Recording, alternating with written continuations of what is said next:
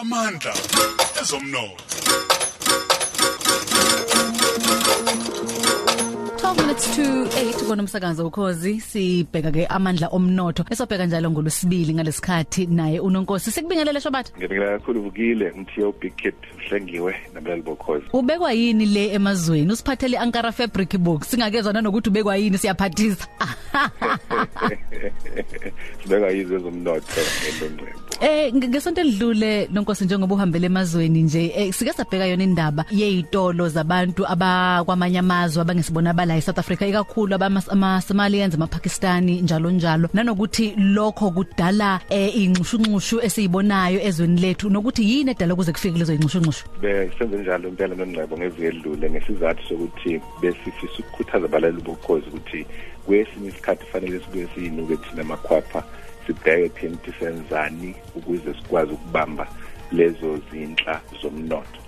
Eh ikakhulukazi isuke ihambisana nalezi siye siyibone ziphethwe ngabanye abantu abangaphandle. Futhi besikubuka nongcebo lokhu.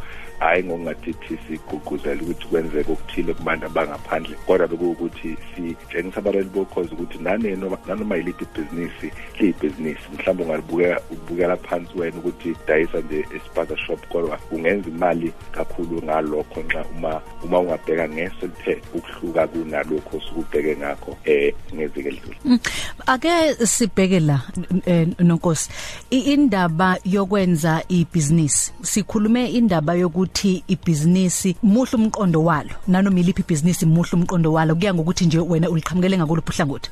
Yebo kunjalo ngicela mhlawumbe namhlanje engifisa sikubheke njengoba silapha eGhana iGhana Economic eh, Forum lesiyona nanokuthi sithi kubekela abalaleli bokhozi isithombe esihambisana nomsebenzi iAfrica ewenzayo. Sike sathi ngicabanga ukuthi ngenyanga kaMeyi sithi ukhozo leAfrica eh njengoba sigubha inyanga yamagugu iAfrica yethu igugu lethu elibalekile kumele masiqonde kabanzi ukuthi uma sikhuluma eh ngeAfrica sikhuluma ngathi uqobo asimele sibe namabhoda azosivimba ukuthi singakwazi ukungena siyibandakanye nomnotho weAfrica ngoba ngangakubeka lapha ngelinye ilanga nongcebo ukuthi umuye ezweni laseNigeria kuyinkampani zaseNingizimu Afrika ezicishe zibe 195 ezikhonyayo eNigeria eziwu 90% wazo ezabamhlophe bese kuthi inkeshezana mhlawumbe kuba abantu abamnyama baseNingizimu Afrika okusho ukuthi asikangeni ngokugcwele thina ekutheni siyibandakanye nomnotho weAfrika yize singama-Afrika akhona la eAfrika. Ngithe namhlanje ke sibheke umnotho waseGhana la sikhona yizwe lezi lizungezwe ngamazwe amathathu okuyitogo iburkina faso icote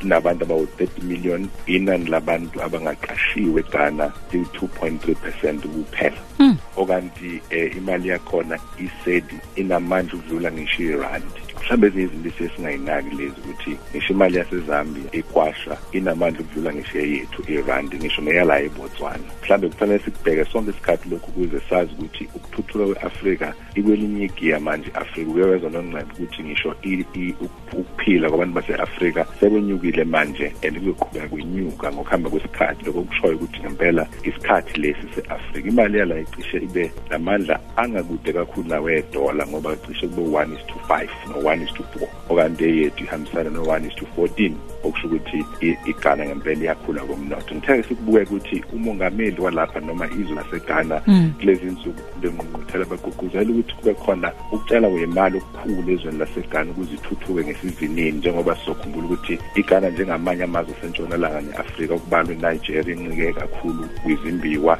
ezifana nowoyela igas neyimayini bafuna manje ukususa umnotho wabuthi ungabe usancika kakhulukazi kulelo hlobo lomnotho kodwa undlaleke ukuze ukwazi eh ukukhava ezizi izizinda zomnotho. Bakwenza kanjani ke lokhu lapha eGhana noma bafuna ukuthi eh i-tax bazoyikhipha ezintweni ezifana nezindlu zonke ama-bank nezimali i-tax yakhona noma i-VAT eyethi i-VAT u-15% i-VAT yabe u-17% ayiseze ukutholakala i-VAT eyindlini uma uthenga indlu noma ungena eyintweni ey'fana nezeyimali noma uzofaka ibhenki lakho ilakho lapha eGhana. Bafuna ukukhipha lokhu kuthiwa ama-capital gains kuma-shares uma udayisa ama-shares wakho nama-import duties kuma-spare parts.